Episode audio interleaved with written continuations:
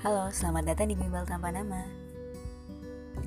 Podcast ini hadir buat temenin kamu belajar.